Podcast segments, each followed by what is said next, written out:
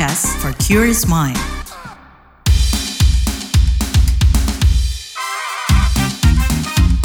What's Trending KBR Pagi, siaran pagi radio paling update. KBR Pagi, siaran pagi radio paling update. Selamat pagi, apa kabar kalian semuanya di hari Kamis 26 Oktober 2023. Kembali lagi saya Don Brady menjadi teman pagi hari kalian semuanya di What's Trending KBR Pagi pastinya. Nah belakangan viral penjualan pembalut reject di e-commerce. Harganya miring, sekitar 15.000 hingga 35.000 rupiah dengan kisaran 50 sampai 100 piece pembalut. Padahal harga pembalut biasa di e-commerce sekitar 15.000 sampai 20.000 rupiah hanya mendapatkan 16 sampai 20 piece.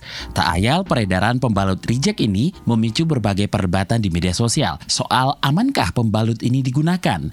Di balik murahnya pembalut reject, kita mesti perhatikan dulu nih, apa sih barang reject itu?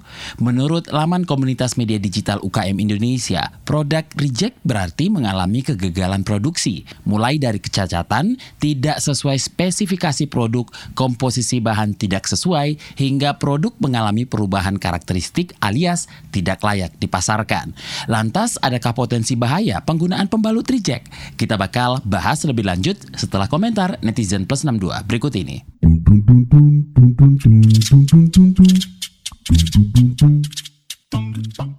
Kita ke komentar at handxx. Baru tahu ada orang yang beli pembalut reject ya. Terus komentar at binxx pembalut reject dijual lewat all shop. Netizen yang selalu cari yang murce pasti senang nih meskipun gak sehat. Lalu at warxx harusnya sih barang reject dimusnahkan ya biar nggak bisa dipakai lagi. Meminimalisir penggunaan pembalut nggak layak pakai begini. Lalu at cutxx yang bikin sedih tuh beli pembalut reject 15 sampai 25 ribu bisa dapat 100 pet which is lumayan banget. Walaupun barang reject tapi itulah kenyataan pembalut aja semahal itu dan ternyata masih ada aja yang bisa beli untuk itu. Komentar at 14xx, I just want to say to my fellow girl is here. Ini bukan pembalut bekas pakai ya, ini reject nggak lolos QC.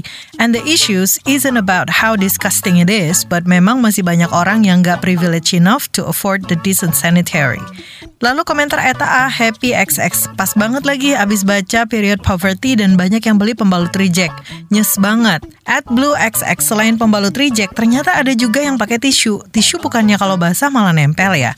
Dan terakhir komentar at Adele XX Awal concern pembalut reject ini terkait kesehatan Tapi hidup di negara berkembang yang gak berkembang-berkembang ini Banyak yang gak sadar kalau emang produk-produk untuk menstruasi layaknya pembalut dan menstrual cup masih jadi barang mewah bagi beberapa kalangan.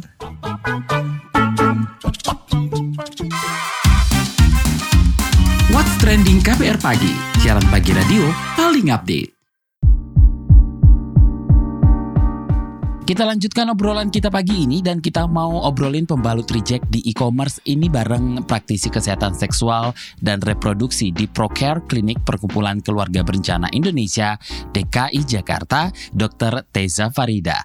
Dok, belakangan kan viral nih soal kasus pembalut reject yang dijual kiloan di e-commerce. Bagaimana Anda melihat persoalan ini? Uh, jadi kalau barang yang di reject itu kan kita berpikirnya bahwa barang tersebut itu kan udah sebenarnya nggak lulus uh, quality control yang dia uh, nggak layak untuk dipakai atau digunakan gitu kan. Nah itu sebenarnya juga apalagi buat di organ reproduksi kita di vagina kita kan itu pemakaian pembalut tersebut. Jadi sebaiknya ya nggak digunakan barang reject tersebut gitu kan. Karena kita nggak tahu di rejectnya itu karena apa kayak gitu. Apakah bahannya kedaluarsa kah apakah kemudian ada uh, kotoran-kotoran yang ada di dalamnya pembalut tersebut atau yang lainnya. Nah kita cari tahu penyebabnya kenapa dia sampai di reject reject dan kalau udah di reject sebaiknya juga dia nggak memperjualbelikan uh, pembalut tersebut gitu.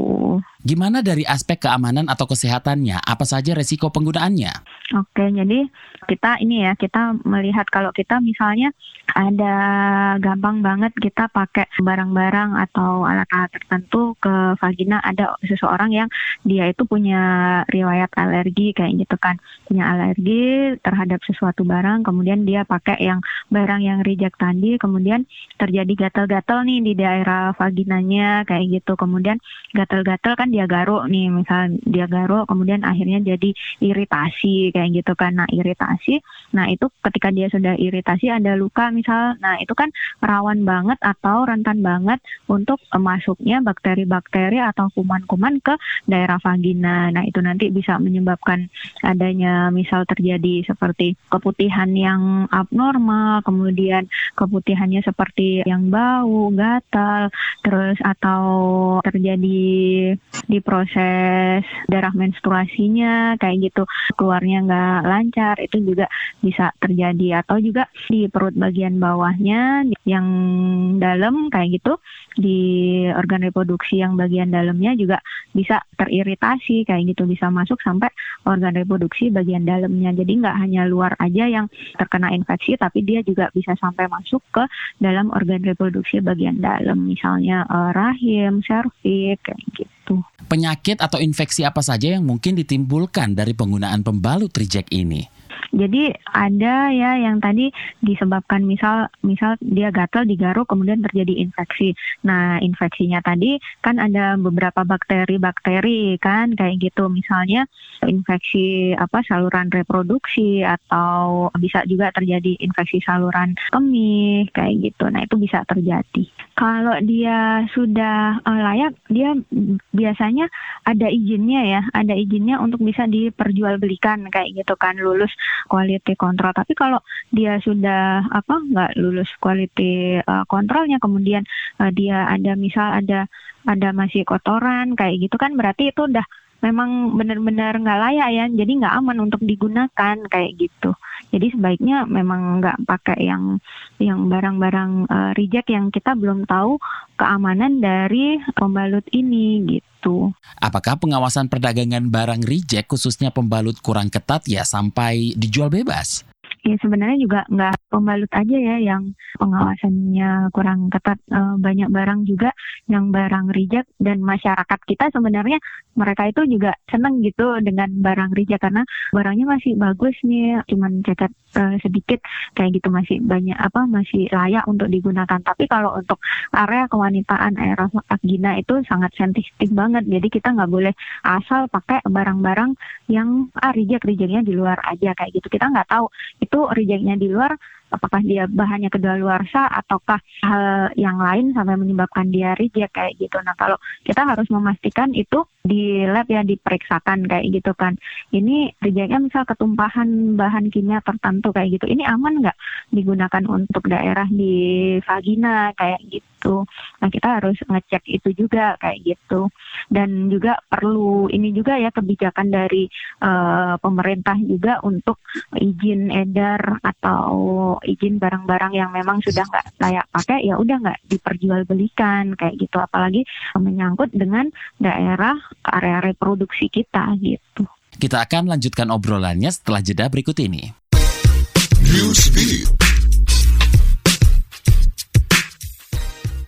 Pemerintah Australia mendenda media sosial milik Elon Musk X sebesar 6 miliar rupiah. Denda ini dijatuhkan lantaran X gagal bekerja sama dalam penyelidikan praktik anti pelecehan anak. Sebelumnya, Komisi e-Safety Australia mempertanyakan kapabilitas media sosial X untuk menanggapi laporan soal pelecehan anak di platformnya, juga bagaimana cara mendeteksi konten-konten tersebut. Namun media sosial yang dulunya bernama Twitter itu gagal menjawab pertanyaan pemerintah. Media sosial ini pun di dianggap bersikap lunak soal moderasi konten. Perusahaan multinasional asal Korea Selatan Hyundai Motor Group berencana membangun pabrik mobil di Arab Saudi. Perusahaan otomotif Korsel itu bakal menggelontorkan investasi 500 juta US dollar atau setara 7,98 triliun rupiah ke Saudi. Melansir Reuters, Hyundai bakal bekerja sama dengan lembaga pengelola kekayaan Arab Saudi Public Investment Fund. Rencananya, pabrik dibangun di Riyadh. Dikabarkan Presiden Korsel, Yun Sokyol, juga sudah menandatangani dan menyetujui perjanjian soal investasi di Arab Saudi tersebut. Rencananya, pabrik di Riyadh bakal berkapasitas 50 ribu mobil bertenaga listrik dan gas. Penyanyi sekaligus aktris Ayu dan aktris Han Jimin menerima penghargaan positif influencer di Hari Keuangan ke-8 pada 24 Oktober 2023. Keduanya mendapatkan penghargaan Presiden dan penghargaan Perdana Menteri di Yoido Seoul, Korea Selatan. Ayu diakui sebagai artis yang berkontribusi menyebarkan budaya kekayaan melalui menabung dan berinvestasi. Penyanyi bernama asli Lee Ji-eun ini juga dikenal loyal dan gemar berdonasi donasi. Sedangkan aktris Han Jimin diberi penghargaan atas jasanya menyebarkan kesadaran keuangan soal pengelolaan aset. Ayu dan Han Jimin dianggap sebagai sosok yang memberikan pengaruh positif pada masyarakat.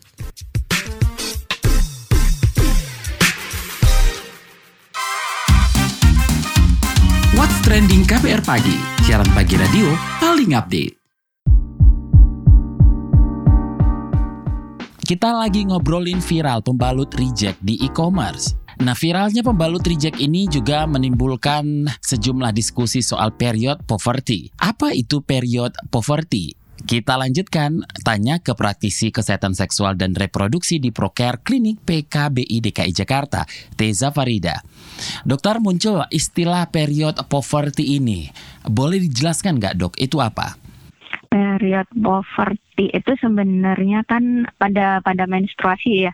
Jadi kemiskinan ya sebenarnya itu kan eh, kita gabungkan dengan kemiskinan itu kan didefinisikan sebagai kondisi yang mereka ini nggak punya cukup akses dan finansial untuk memenuhi kebutuhan kebutuhan harian, kebutuhan dasar seperti makanan, kemudian pakaian, tempat tinggal, air dan sebagainya. Nah, kalau period poverty itu sendiri atau kemiskinan menstruasi itu kan akses yang nggak memadai ya ke alat dan pendidikan terkait dengan kebersihan menstruasi, tapi tidak terbatas pada sanitasi, fasilitas mencuci, kemudian lingkungan yang mendukung untuk membuat keputusan yang tepat dan kemampuan berpartisipasi dalam semua aspek kehidupan termasuk dalam bekerja.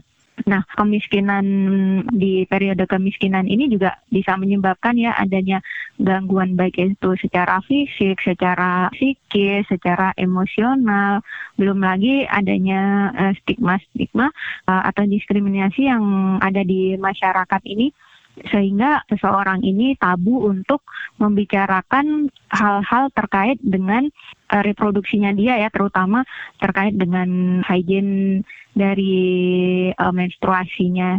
Oke, sejauh ini bagaimana tingkat pendidikan atau literasi soal sanitasi hingga pendidikan kebersihan menstruasi? Um, masih kurang sih karena ya itu tadi ketika kita membicarakan terkait kesehatan seksual dan reproduksi itu masyarakat menganggapnya bahwa hal tersebut adalah masih tabu jadi mereka nggak nggak terbuka untuk membicarakannya Kemudian juga uh, masih banyaknya mitos-mitos yang ada di masyarakat terkait dengan kebersihan menstruasi kayak gitu.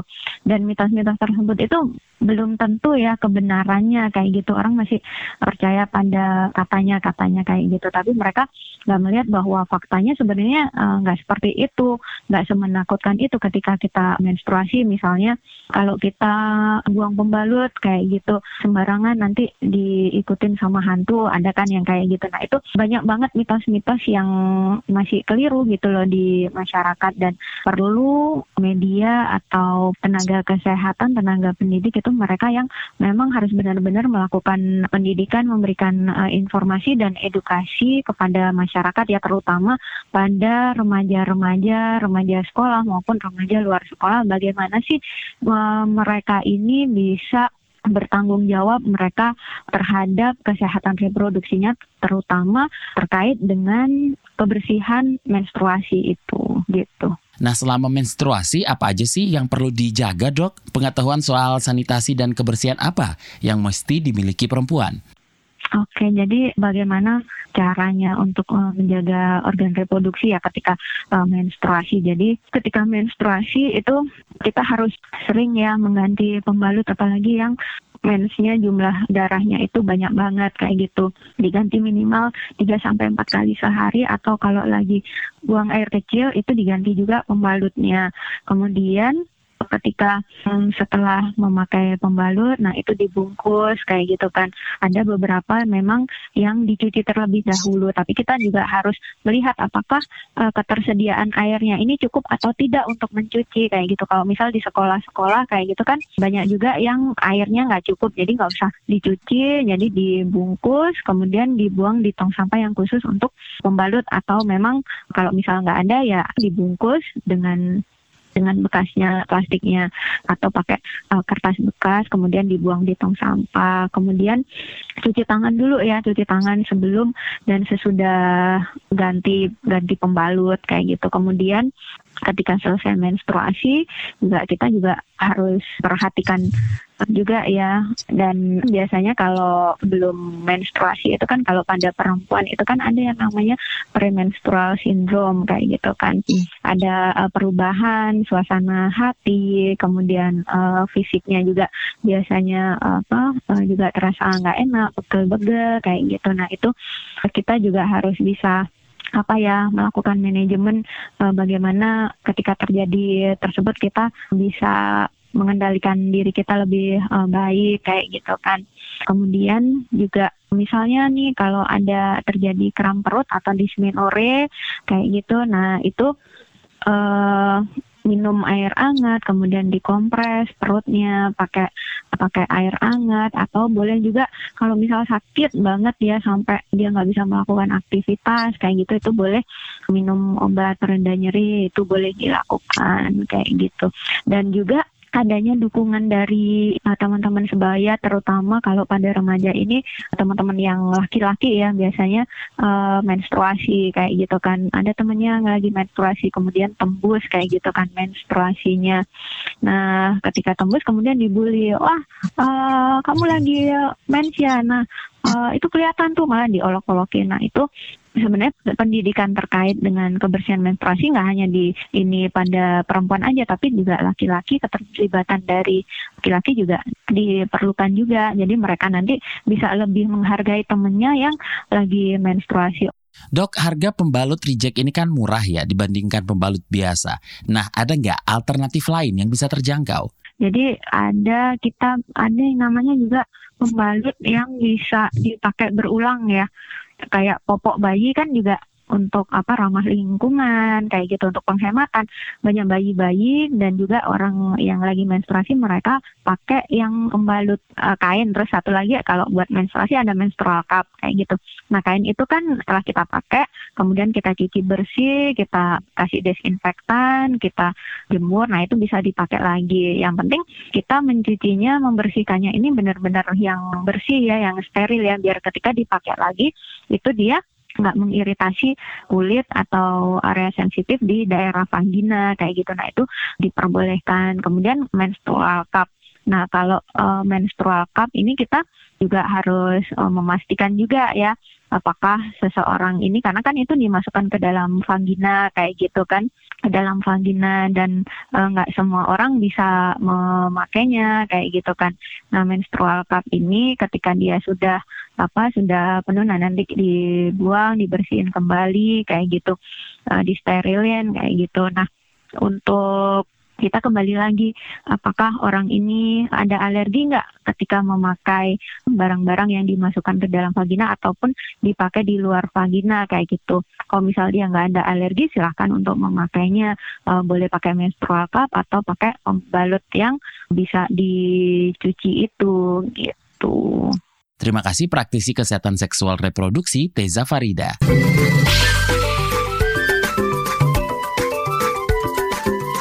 WhatsApp Indonesia. WhatsApp Indonesia kita mulai dari Jakarta. Kementerian Luar Negeri mengungkap kelompok generasi Z yaitu generasi yang lahir pada 1997 sampai 2012 sangat rentan menjadi korban tindak pidana perdagangan orang TPPO modus penipuan daring atau online scamming. Kepala Subdirektorat Kelembagaan dan Diplomasi Perlindungan Direktorat Perlindungan WNI di Kementerian Luar Negeri Fajar Nuradi mengatakan Target korban penipuan daring banyak menyasar kelompok terpelajar bahkan mahasiswa S3. Fajar mengatakan umumnya Gen Z yang terjebak berada di posisi pencari kerja, fresh graduate, sudah lama lulus, berhenti bekerja hingga mencari tempat kerja baru. Fajar menilai Gen Z memiliki kecenderungan suka mencari tantangan baru hingga mudah terjebak online scamming. Fajar Nuradi mencatat data penipuan daring dalam tiga tahun terakhir mencapai lebih dari 2.800 kasus. Masih dari Jakarta, Presiden Joko Widodo mengingatkan kondisi global yang terus menghadapi tantangan ketidakpastian. Salah satunya dampak perubahan iklim seperti Super El Nino yang mengakibatkan merosotnya produksi pangan dunia. Jokowi mengatakan dunia makin tidak jelas, begitu juga tantangan di masa depan makin bertambah. Lantaran berbagai sebagai akibat perubahan iklim dan perang semakin terasa. Jokowi mengungkap lebih dari 20 negara produsen beras menutup keran ekspor berasnya akibat produksi merosot. Terakhir mampir Palopo, Sulawesi Selatan, Kementerian Pariwisata dan Ekonomi Kreatif Kemenparekraf berusaha memperkuat literasi keuangan bagi pelaku pariwisata dan ekonomi kreatif di kota Palopo, Provinsi Sulawesi Selatan Sosol. Sandi mengatakan penguatan literasi keuangan DPUP adalah upaya Kemenparekraf untuk membangun industri pariwisata dan ekonomi kreatif di Indonesia melalui program-program dan inisiatif yang mendukung pertumbuhan ekonomi, pelestarian pelestarian budaya dan pengembangan sumber daya manusia. Selain itu, program literasi ini bertujuan memberikan pengetahuan bagi pelaku parekraf memanfaatkan bantuan berupa dana pembelian peralatan pendukung produksi usaha parekraf secara maksimal dan akurat. Demikian WhatsApp Indonesia hari ini.